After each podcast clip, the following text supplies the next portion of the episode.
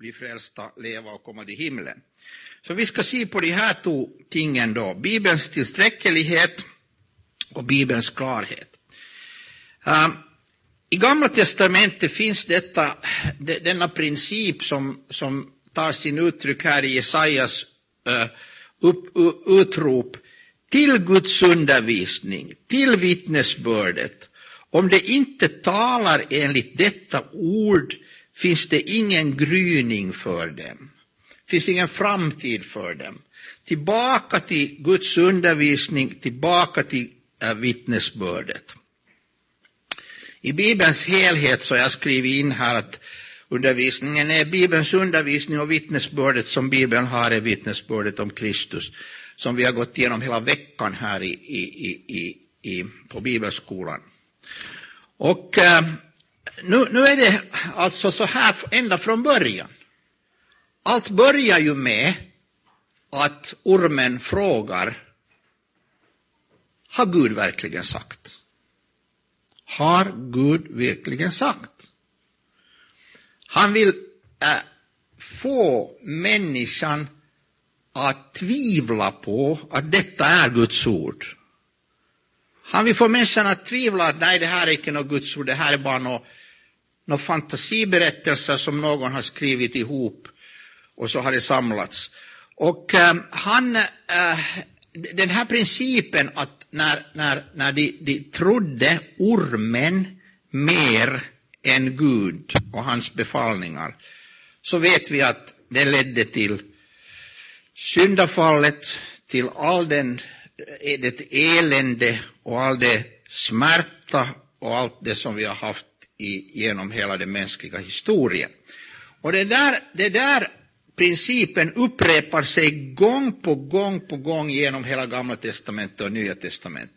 När du kommer till, till, till syndafloden så bygger Noa en ark och så kallar han folk in till arken. Han predikar enligt Nya testamentet 300 år predikar han evangeliet och kallar dem och ingen annan kommer än de där åtta personerna, hans, hans närmaste. Ingen annan kommer. Eh, de tror inte vad Gud har sagt och säger genom Noa, utan de tror på det de ser och upplever att det inte har regnat något värst på senaste tiden, att inte tror jag det kommer något, något regn. Uh, inte tror jag på någon flod. Så du har igen en gång, och sen när du går vidare så har du det hela tiden. Gud kommer till Abraham och Sara och säger att ni ska få en son. Och jag, ska, jag ska göra dig till ett stort folk. Och Sara bara skrattar, hon bara ler. Hon bara säger att nej, nej, skulle jag, skulle jag ännu få ett, en son? Vi är 90 med Abraham. Och så vidare, så vidare. Så genom hela Bibeln i alla olika situationer så blir det så här att Gud säger, Gud talar och så är det frågan, tror du vad han har sagt? Tror vi vad han har sagt? Eh, jag slutade förra timmen med att tala om den här Abraham och, den, och, och Lazarus och den rike mannen. Och där var ju den rike mannen så att sen någon att, att, att, att, att om, de, om de får se att någon verkligen vaknar upp från det döde, stiger upp från det döde, då tror de. Och så säger Abraham, nej de tror inte, om de inte tror Mose och profeterna så tror de inte. Och vi har ju ett exempel på det där, vi, vi snackade om det här på pausen, att vi har ju ett exempel på det där när Jesus kallar ut den döde. Kommer ihåg? Jesus säger, Lazarus kom ut. Och han kommer ut han är uppväckt från de döda. Nu borde alla tro enligt den rike mannens princip att, att om någon väcks upp från de döda, då tror de. Vad gör de? De kommer samman och beslutar att döda Jesus.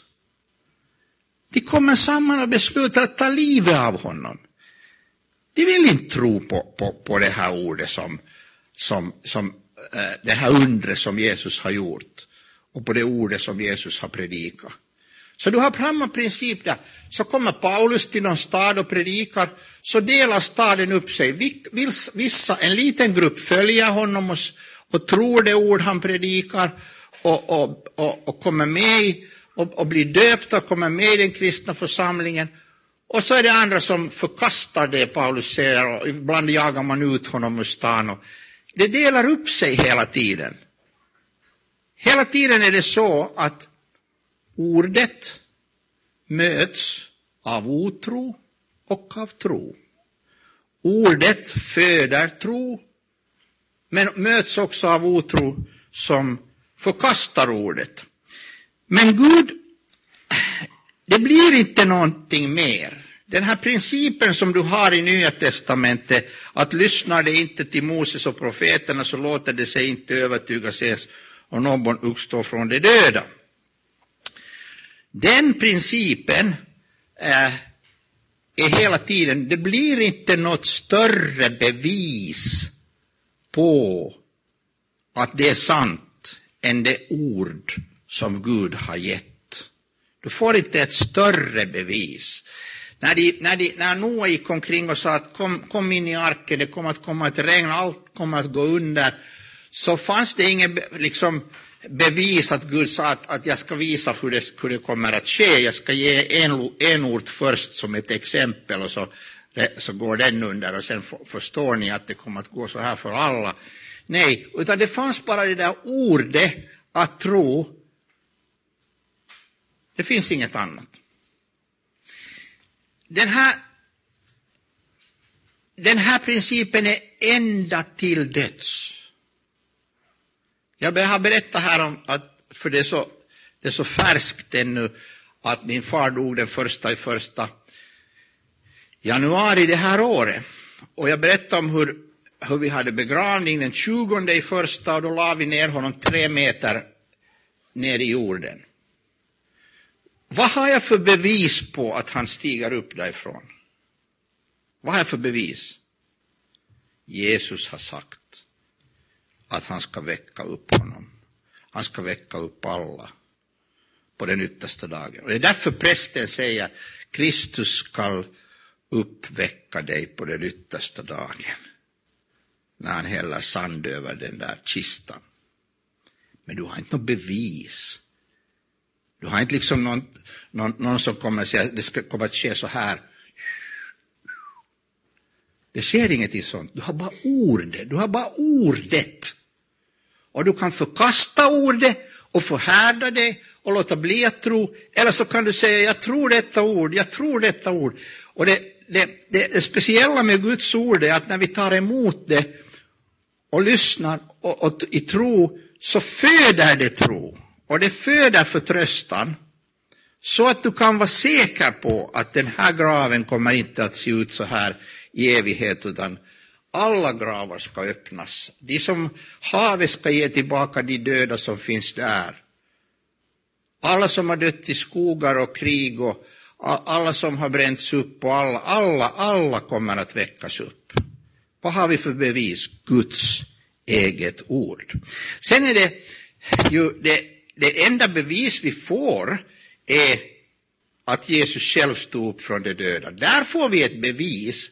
Där är det inte bara fråga om ett ord att han säger jag kommer att stå upp från de döda, utan han står upp från de döda och han visar sig för de utvalda vittnen som han sänder ut. Så vi har detta där i, i, i själva hjärtat av den kristna tron, Jesu Kristi kroppsliga uppståndelse. Men sen måste du åter lita på att när den uppståndne Kristus säger att jag kommer tillbaka, alla knän ska böjas inför mig och så vidare, så har du igen åter bara detta ord. Du har inte någonting mer. Och när Paulus skriver att du känner från barndomen de heliga skrifterna så att du blir frälst genom tron på Kristus Jesus, som kan göra det visa så att du blir frälst, så är den här skriften utandad av Gud och nyttig till undervisning så att en gudsmänniska blir fullt färdig, välrustad för varje god gärning. Behöver jag något mer än Guds ord för det? Nej, Guds ord själv räcker att skapa denna Guds människa fullt färdig och rusta honom eller henne för varje god gärning. Bibelordet är tillräckligt. Det är tillräckligt. Du har bara det ordet, men du kan lita på det ordet. Det var det ordet som skapade hela världen. Det finns inte en människa på jorden idag som förkla kan förklara varifrån allting kom. Det är roligt när man lyssnar på sådana här diskussioner och säger någon, nej men kan inte fatta, det fanns, ju, det fanns ju naturlagar. Och sen när materia och så blev till så då lydde de där, det där bara naturlagarna. Två frågor. Var fick du den där materian plötsligt där? Varifrån fick du energi? Varifrån fick du rörelse? Och framförallt, var hängde de där naturlagarna innan du hade någonting? Det, det, finns ingen förklaring på det där. Det var Gud som sa det, var det ljus. Det var Gud som sa vimla vattnet fullt av. Det var ett under. Allt blev till. Allt blev till. Och den, den som inte vill tro det, så han får ett att tro att det finns ingen förklaring, eller så får han tro att det alltid har varit evigt, men det har, då har du hela allt vad vi vet mot det, för vi, vi vet att, att, att den här universum är inte evigt, så någonstans har det kommit ifrån. Men alltså du har bara hela tiden det här ordet, men det här ordet räcker. Det räcker. Det räcker att göra dig färdig till en Guds människa så att du är välrustad för varje god gärning. Allt du behöver göra i ditt liv som kristen, allt du är kallad att göra, du har tillräckligt i det här ordet att undervisa dig, leda dig, lära dig, uppfostra dig och hålla dig på vägen så att du utför den gärning som du ska utföra och sen är du, sen är du färdig, sen har du gjort ditt arbete. Och Paulus har det här som en princip i sitt liv. Han säger om sig själv och den äh, äh, kände bibelläraren i, i, i Apostlagärningarna Apollos säger han Bröder, detta har jag för er skull tillämpat på mig och på Apollos för att ni ska lära er den regeln när det gäller oss att inte gå utöver vad skriften säger och inte skryta över den ene på den andres bekostnad. Gå inte ut över det som står skrivet, det räcker. Det räcker det som står skrivet. Du behöver inte mer. Du behöver inte gå ut över det som står, så skrivet. Det kommer väckelser och det går väckelser inom citationstecken. Och man säger att du måste, nu, nu när det är bra att det är så här, så, men du måste ha en sån här upplevelse. Du måste falla omkull. Det var en, det var en kraftig kraftig rörelse i Finland för ett 20-30 år sedan, jag kommer inte ihåg riktigt exakt när det nu var, men det var så, som, som höll på ett par år. Att det var en sån här väckelse, det kallas för Torontoväckelsen, Att alla skulle falla omkull. Och det, det, när, i slutet på mötet så här så tog man alla stolar bort och lade dem längs väggarna och så stod folk där och så föll de omkull och så sprattlade de på golvet och då kan man ju säga, var står det där? Det står ingenstans. Det finns ingen sån beskrivning någonstans i, att, att man ska göra så här. I Bibeln står det att man ska förkunna Guds ord. Och efter att det där sprattlandet tog slut efter ett par år så samlar man alla stolarna tillbaka och nu sitter folk igen och lyssnar, tack och lov, på Guds ord. Så, men det kommer sådana här rörelser som säger nej, det räcker inte med det som står skrivet. Nej, du må ha något mer, du må ha något mer. Och, du, och, och, och ständigt hör vi det här, att om vi predikar Guds ord så bär det inte frukt. Men om vi skulle kunna göra mer under och tecken och väcka döda och bota sjuka så skulle vi få. Nu kan ju botandet av sjuka och väckandet av döda vara i något skede en följd av någonting. Men vi är inte, vi är inte beroende av det. Vi har Guds ord som är tillräckligt. Vi behöver inte gå över det som står skrivet. Vi får förkunna det och så får vi se vad Gud gör. Och han gör vad han vill, det, det har vi ingen, det har vi ingen eh, kontroll på och det behöver vi inte ha. Vi ska bara förkunna och lära Guds ord. Och det räcker. Och sen finns den där principen inskriven i själva texten också. Alldeles i slutet på hela Bibeln, näst, näst sista versen så står vi så här. För alla som hör profetians ord i denna bok betygar jag om någon lägger något till dessa ord ska Gud lägga på honom de plågor som beskrivs i denna bok. Om någon tar bort något från orden i denna profetias bok ska Gud ta ifrån honom hans del i livets träd och i den helige staden som beskrivs i denna bok. Det är bara Gud, det är bara Gud som kan skriva sitt ord genom sina utvalda uh, vittnen. Och när han gör det, den här samma versen finns i slutet på Moseböckerna, när allting har getts så säger Gud, nu ska jag inte lägga till någonting. Bara han själv kan lägga till. Och han la till en rad böcker. Och sen när vi kommer till Uppenbarelseboken så säger han, nu är det slut, lägg inte till någonting, ta inte bort någonting. Här är Guds ord, det här räcker, det här har du. Och så är vi under en väldig press att lägga till och ta bort och har nya principer som det ingenting står om i, i skriften och så säger man att bibelordet det är föråldrat, det är gammalt, det fungerar inte mera. Eh, men så är det inte. Alla de växande kyrkorna ute i världen är ett motbevis mot det som växer på grund av att de har förkunnelse som kyrkan i Etiopien som har mycket förkunnelse, evangelister, Äh, hela tiden kommer mer folk, eller i många andra länder där man, äh, till exempel Kenya, där en av mina vänner var som, som, som det blev så mycket omvända att han döpte hela dagen. Han steg upp på morgonen och började döpa och så döpte han tills hans händer inte orkade mer och så gick han och sov och sa ni får komma imorgon. Så kom de nästa dag så fortsatte han och döpte. För det kom så mycket folk till, till Kristus. Och var, varför var det? Jo, därför att man förkunnar Guds ord som det står skrivet och man förklarar vad Bibeln säger. Nu är ingen väckelse ren och färdig eh, när den kommer. Och, och, och ingen väckelse, som man säger i Finland, kommer med bekännelseskrifterna under armen.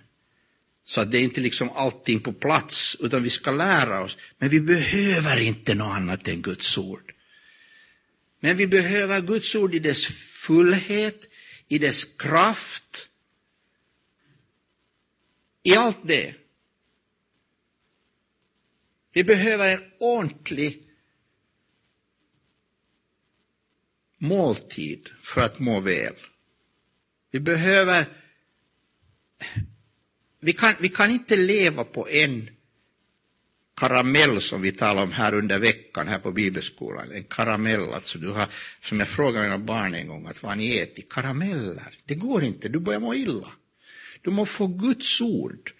Och du behöver inte lägga till någonting. Du ska inte heller ta bort någonting. Det här är den andra väldiga uppmaningen, väldiga utmaningen, att man säger, ja men, ja men om vi ligger tyst med det här nu, vi ska, vi ska, inte, vi ska inte ta upp det här med äktenskapen nu, vi, vi låter det vara nu och folk bestämmer hur de gör, så förkunnar vi bara Kristus och så blir det kaos. Och så undrar vi varför alla mår så dåligt och så vidare. Men men vi ska inte lägga bort någonting som Bibeln tydligt och klart säger. Utan vi ska vittna om det. Ja, men om jag gör det så blir det, då blir det, vet du, liv i Asplunds kök. Då blir det verkligen rabalder. Ja, no, men då säger du det. Och så ber du till Gud om hjälp och skydd och så troget vittnar du om det som Gud har sagt i sitt ord. Men vi kan inte ta tillbaka, vi kan inte klippa bort ur skriften.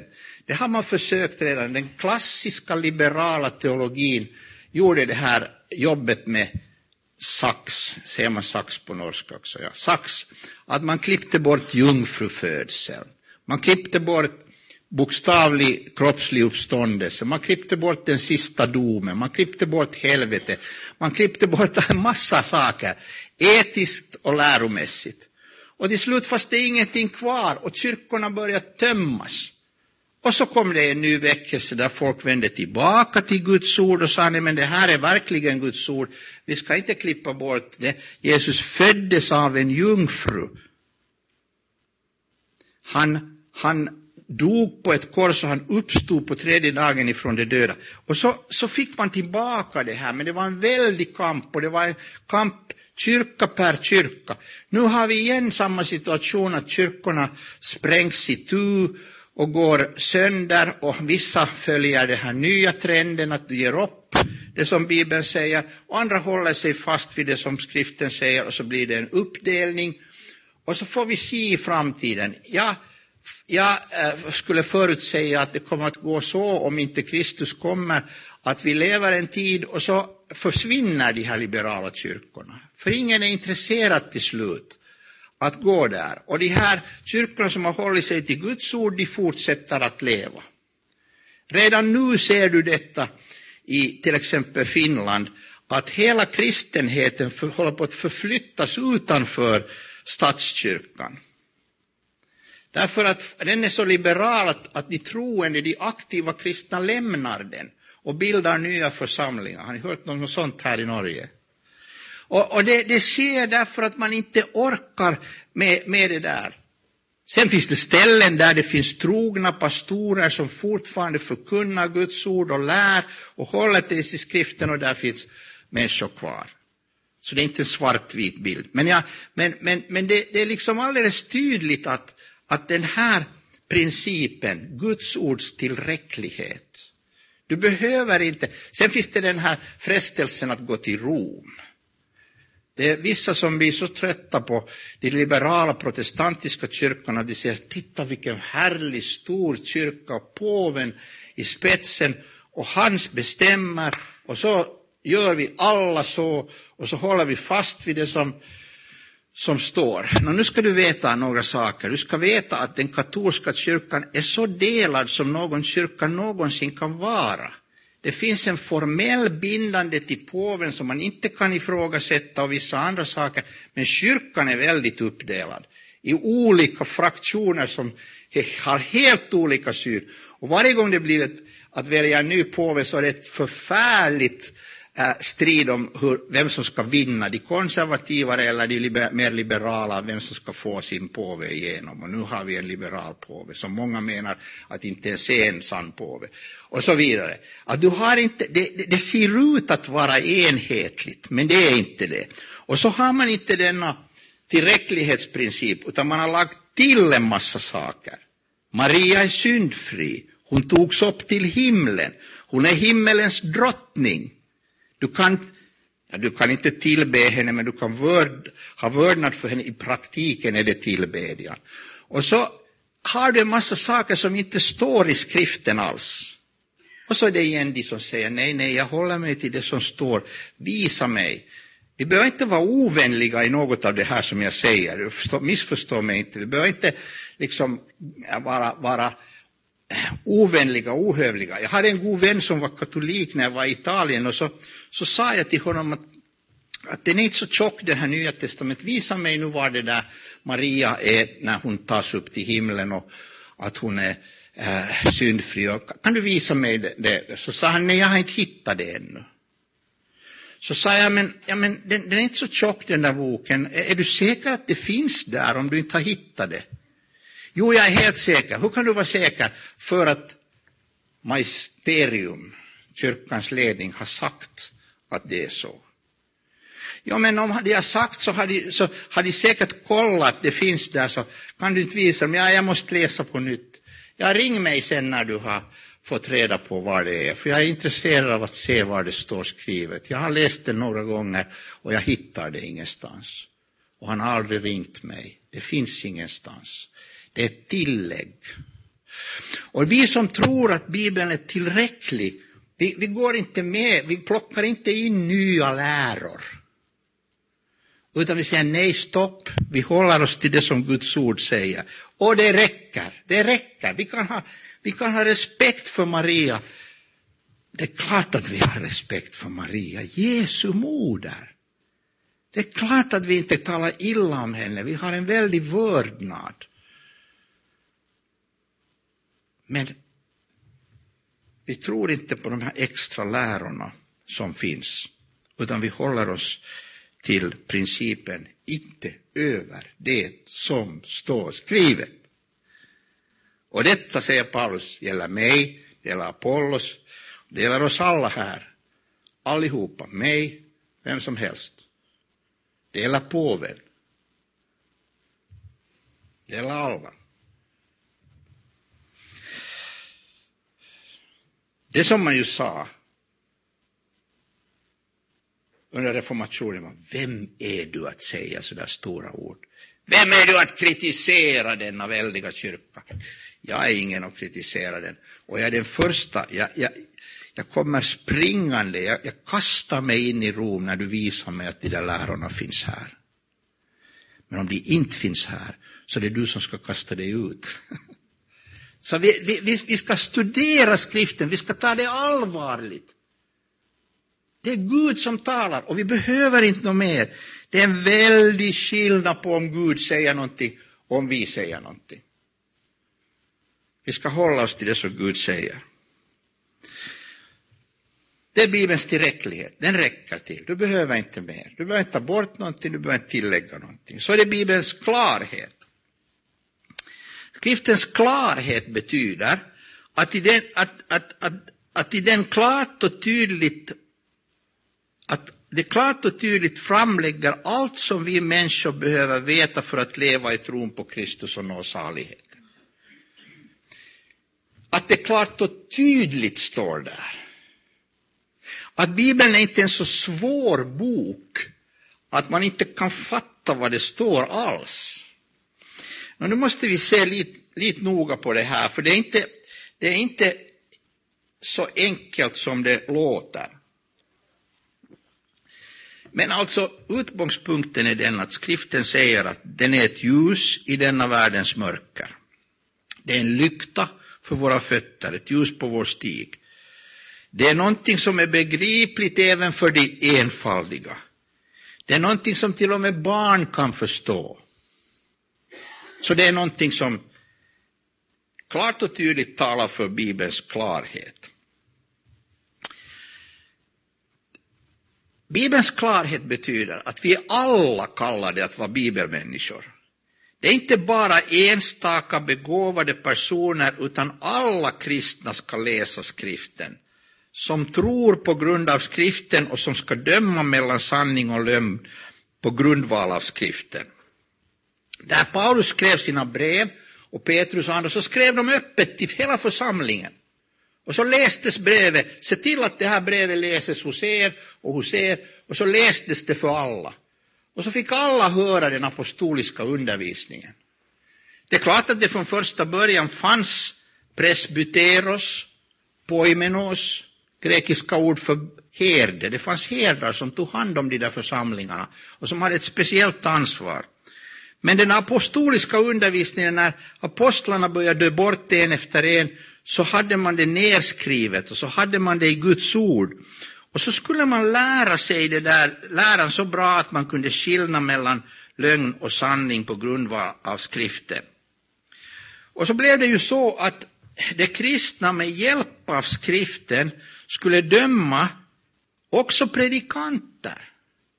Om någon kommer till er, skriver Johannes, och inte har med sig denna lära, ta inte emot honom, hälsa inte honom välkommen. Vad betyder det? Det betyder inte att om din granne är, hör till någon sekt eller någonting och så hälsar du aldrig på honom. Det är inte det det betyder. Det betyder att när, alltså var var församlingen? Den var i hemmen, det fanns inga kyrkor.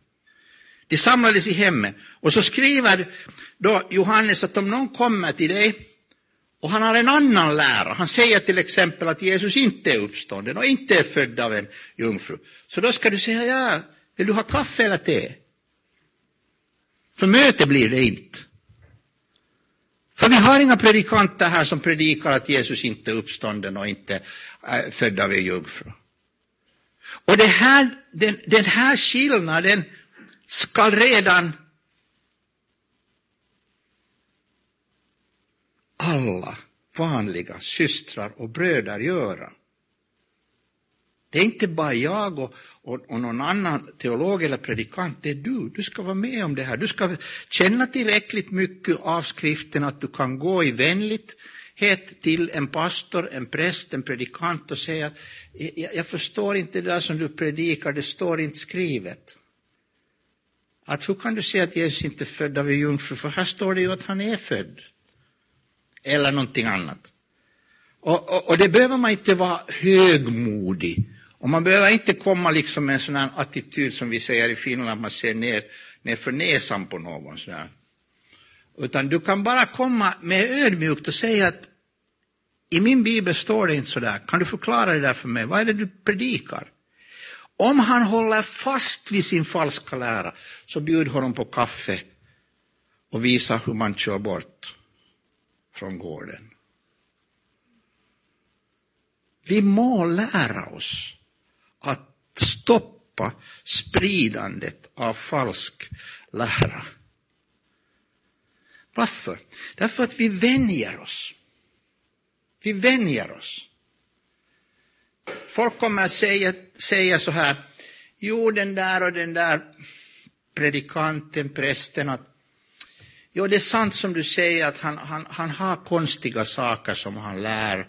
Han lär så här och så där och det är nu inte enligt Bibeln. Men vet du, ibland så talar han riktigt vackert om Jesus. Jag sa, va? Tänk, tänk om du skulle gå till en läkare och så, vet du, han, han delar ut lite fel medicin och han är lite gift ibland och, och ibland så, så ser han helt fel spruta åt dig och ibland ger han fullkomligt fel diagnos. Men ibland så talar han så vackert om hälsa och han talar så vackert om hur vi ska leva ett friskt liv. Vad är det vi håller på med? Vi kan inte respektera vårt eviga väl mindre än vårt fysiska väl. Vi måste ha respekt för evigt liv och, måste, och vi måste kunna säga, det här betyder inte, inte att det blir en sån här pianostämmarförsamling. Vet du vad en pianostämmarförsamling är? Där finns en massa pianostämmare, andliga pianostämmare, som lyssnar och så är det alltid, nej, nej, nej, det är inte riktigt ännu, nej, nej, nej, nej inte ännu, nej, nej, nej, nej inte ännu. Alltså det, ingenting duger någonsin, allting är på tok. Det är inte det jag jagar efter. Det finns mycket rum för olika personligheter, olika sätt att säga saker. Men det ögonblick du förnekar en biblisk grundsanning, så är det någon som ska stiga upp och säga stopp. Nu går det fel. Detta är inte enligt Guds ord. Detta vill vi inte ha. Stopp. Och vi har tappat det här i Finland. Gud må hjälpa er i Norge att ni inte tappar det. I Finland har vi tappat det så vi har en massa förunderliga villoläror som sprids med full fart och folk bara sitter och tycker det är roligt och fin musik och ibland talar han så vackert om Jesus. Nej, det går inte så. Vi måste kämpa för den kristna tron. Vi måste vara redo att säga i kärlek och be för våra predikanter, be för våra pastorer, be för våra präster och biskopar att de ska hålla sig till Guds ord, att de ska binda sitt samvete till Guds ord, för Bibeln, ordet, är klart i allt det som är centralt och viktigt för att vi ska kunna leva ett kristet liv och bli frälsta. Var och en kan redan genom läsning av skriften komma till tro och bevara sitt tron. Men för att ingen ska förfela målet med sitt liv har Gud insagt väktare som å ämbetets vägnar utifrån skriften och med den vakar över själarna med lära, förmaning, straff och tröst. Det finns en plats för bibellärare, predikanter, pastorer, ledare i den kristna församlingen och ingen säger, och jag säger allra minst att det ska vara någon orespekt för dem. Vi ska stödja dem. Det, det, det, det är ofta tungt att stå upp och säga sånt som ingen vill höra. Så du ska, du, ska, du ska stödja dem och du ska tacka Gud för dem. Men så ska vi också själv kunna läsa och kunna säga, nej, nej, nej, nej det, det där kan inte vara så där. För det står skrivet. Skriften säger uttryckligen att dess ord blir fördolt för dem som i sitt hjärta håller fast vid en fientlig inställning till Guds ord. Det vill säga sådana som inte låter sig undervisas av skriften utan söker mästra och döma skriften utifrån sina egna mänskliga tankar. Det här är nu en, en, en, en, en princip till. Alltså att om jag kommer till Guds ord, men jag förhärdar mig. Jag förhärdar mig.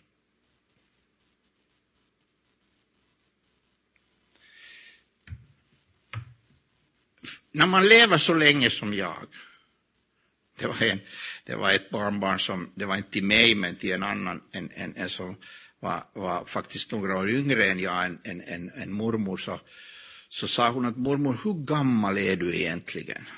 Och så sa mormor att, hör du, jag är 62 år. Ja, en sån där lever nog inte länge mer.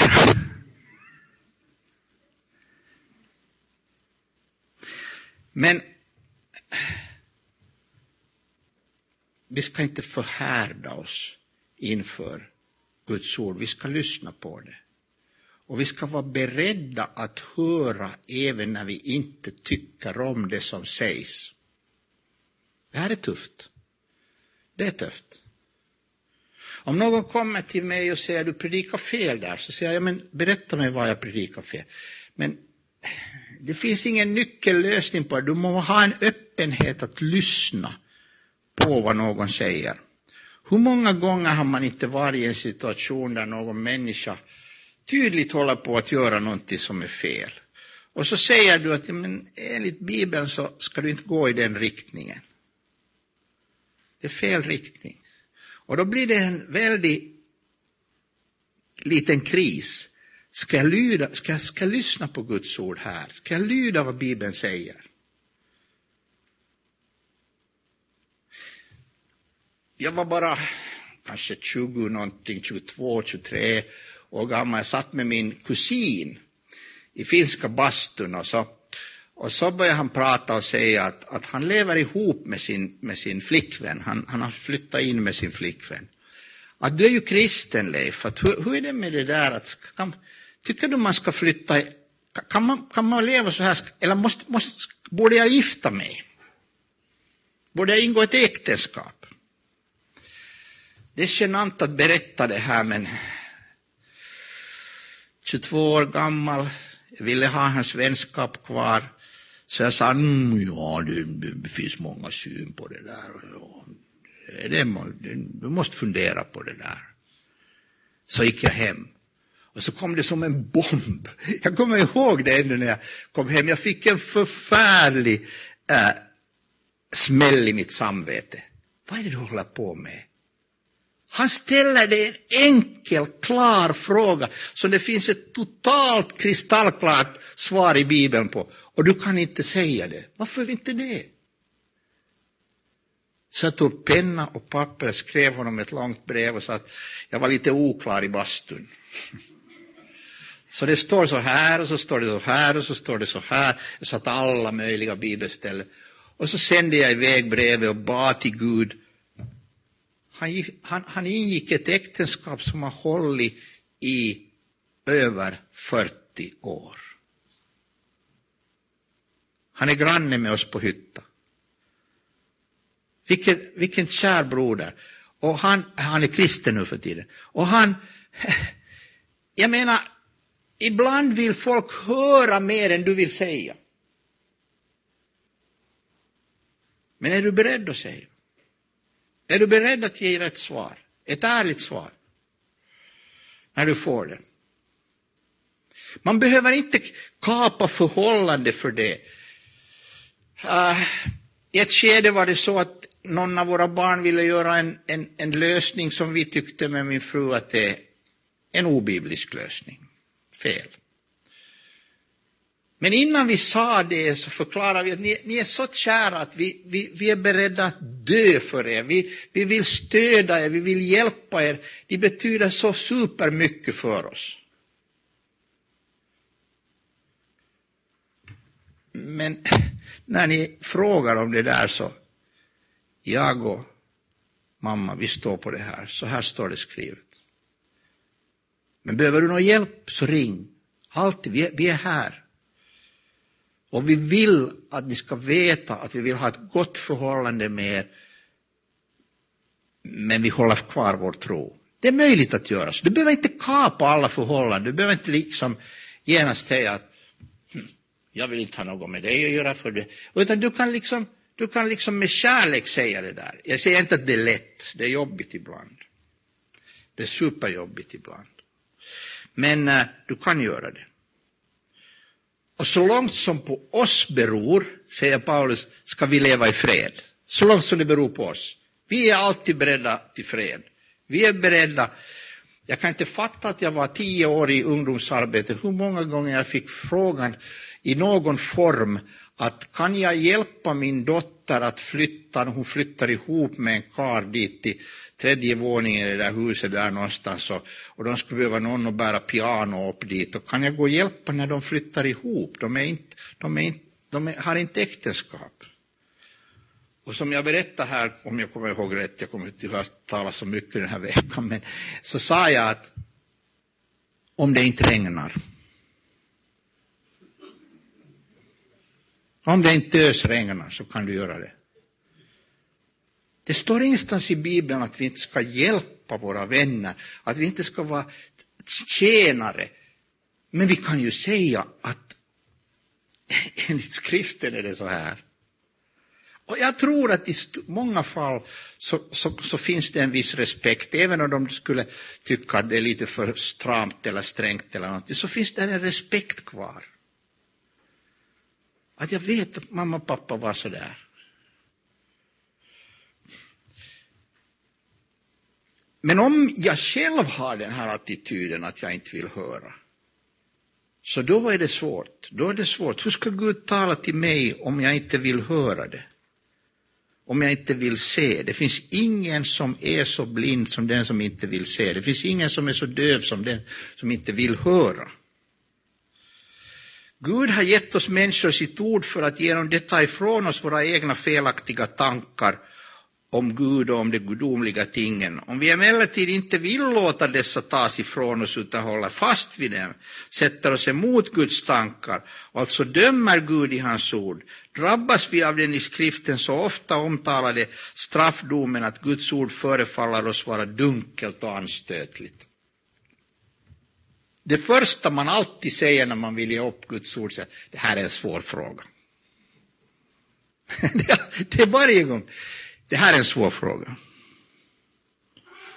Och sen kommer det lite förnekelse och så småningom och så.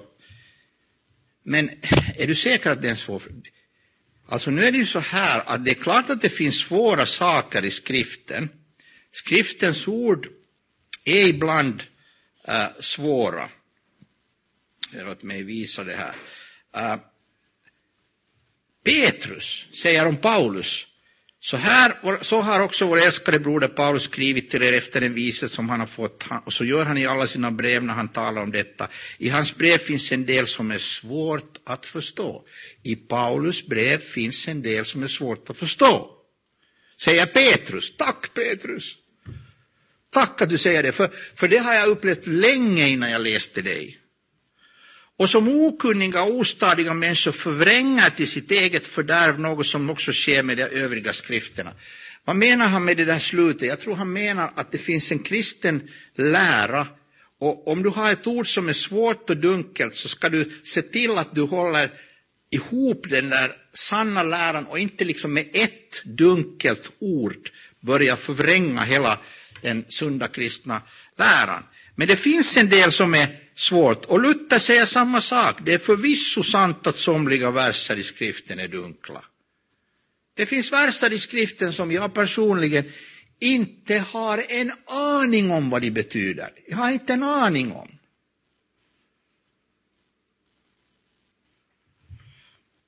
Luther säger ändå även att är det ett dunkelt ord i skriften så tvivla då inte, ty bakom det ligger förvisso samma sanning som på annat håll är klar. Och så tillägger han, det som inte kan förstå det dunkla ska förbli vid det klara. Vilken fin princip. Det finns tillräckligt med klara ord att jag har arbete för resten av mitt liv. Jag behöver inte drunkna i de dunkla orden. Men jag kan veta det att när vi har ett ord från himmelens och jordens skapare så ska jag inte tro att jag är så smart att första gången jag läser det så för jag förstår allting. Nej, det är klart att det finns svåra saker där. Svåra, djupa frågor som folk har kämpat med i åratal och försöka förstå.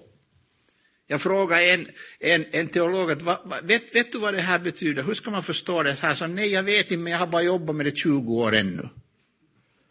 Tills vidare, bara 20 år. Så jag, jag tror nog jag får klart på det ännu, men jag har bara jobbat 20 år.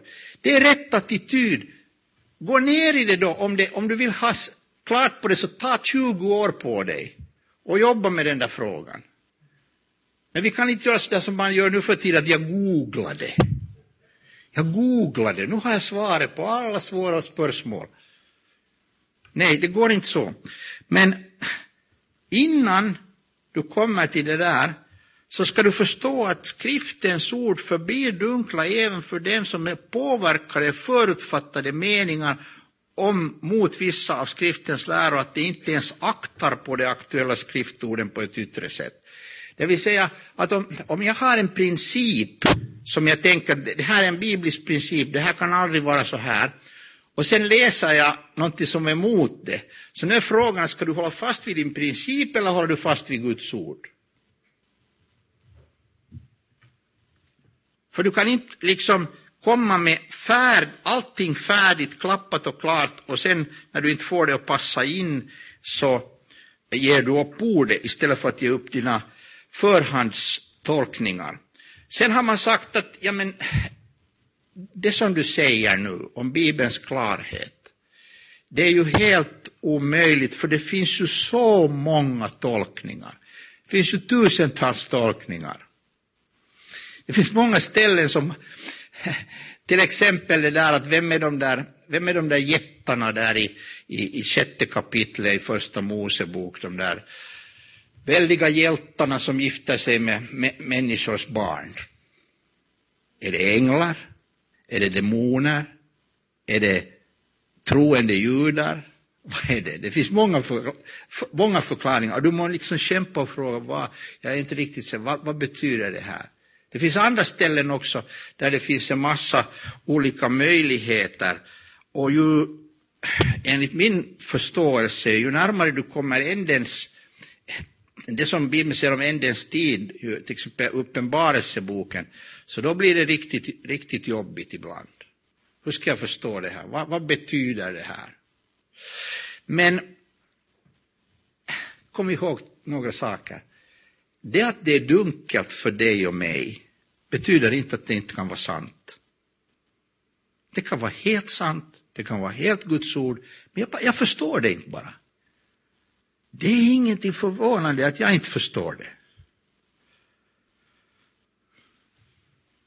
Jag var en gång och predikade, enda gången som har skett i, ja, så här så var, så var, var en gång och det var i Danmark, jag predikade för ungdomsledare och så predikade jag på svenska och när jag slutade så kom mötesledaren upp till mig och sa kan du flytta över till engelska för ingen förstår vad du talar om. Jag var så förtvivlad så på pausen ringde jag hem till min fru och så sa du vad Irene, det är ingen som fattar någonting. Jag höll ett helt bibelstudium och ingen fattar vad jag säger. Så sa hon helt lugnt men du kan ju trösta dem med att inte förstå någon här hemma heller vad du säger.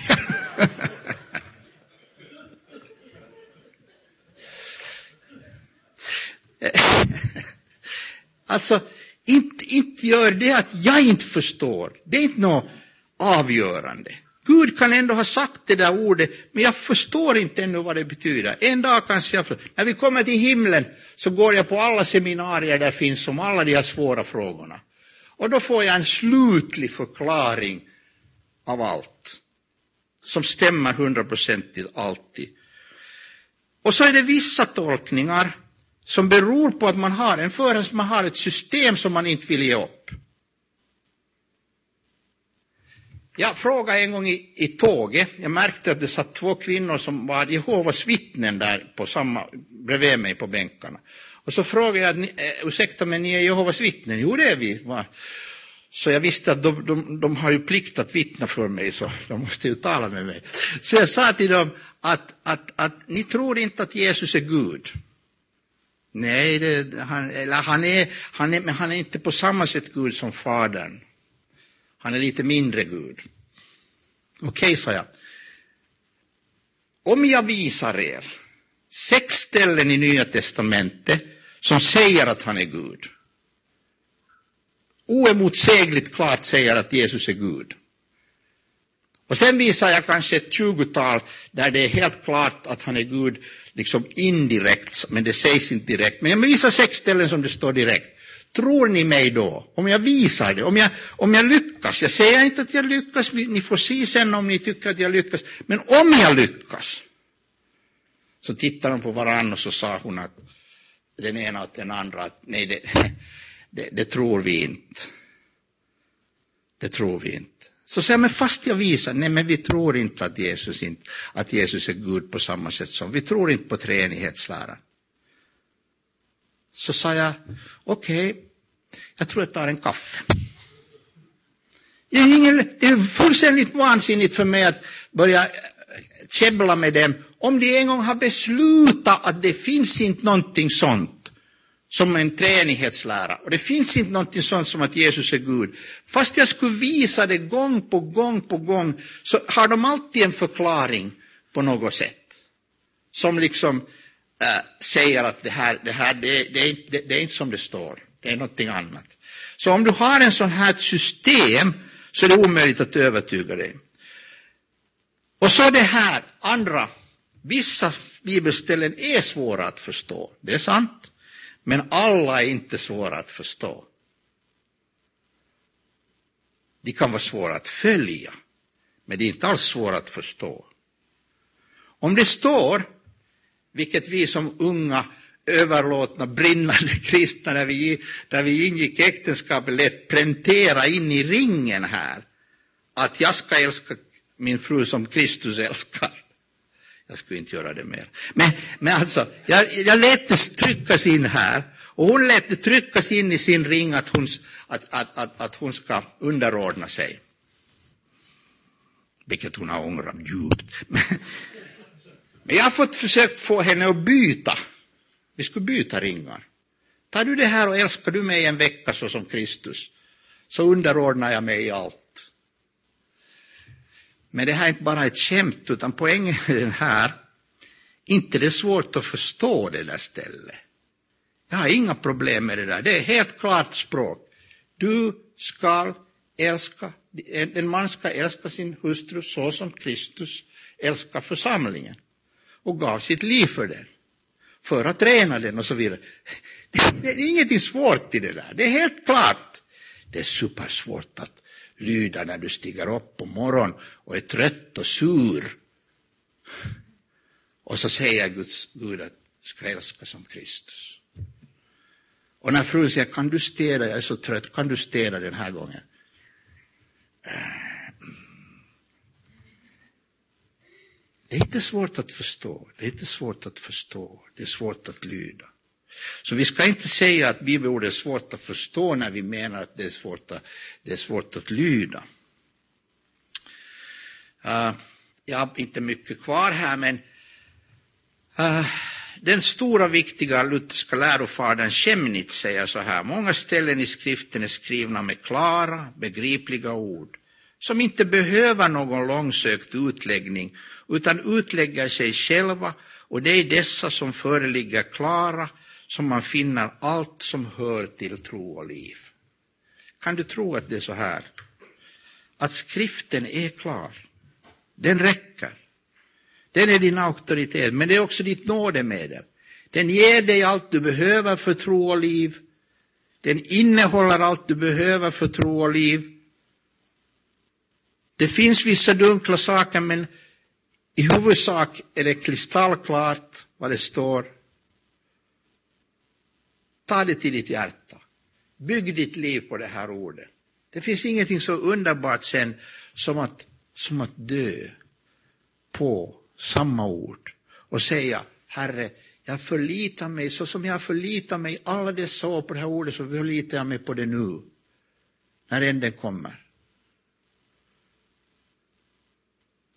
Att få säga till sin far, fast han var dement, fast han inte förstod allting, pappa, den Jesus du tjänar, den Jesus du talar för människorna om, den Jesus du bad till, han är med dig här nu, han är med dig här. Han sa bara ja, ja, jag vet inte hur mycket han förstod, men det är så underbart att det, det, det här, alla dessa löften håller, alla dessa löften håller.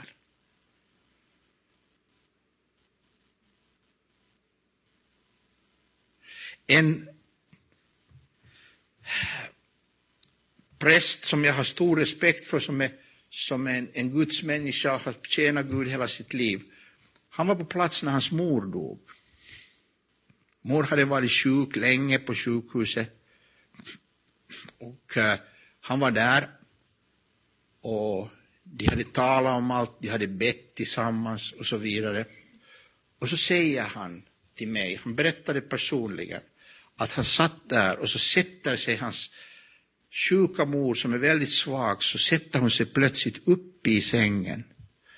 Och så lyfter hon upp sina händer och så säger hon, Herre Jesus Kristus, han kommer. Och så lägger hon sig ner och så är hon död. Är det sant? Det är sant. Kan vi lita på Jo, för Bibeln säger att hans, han håller sina barns död för någonting som är viktigt för honom. Han håller dem i värde. Han vakar över din själ. Han är där, han tar emot dig.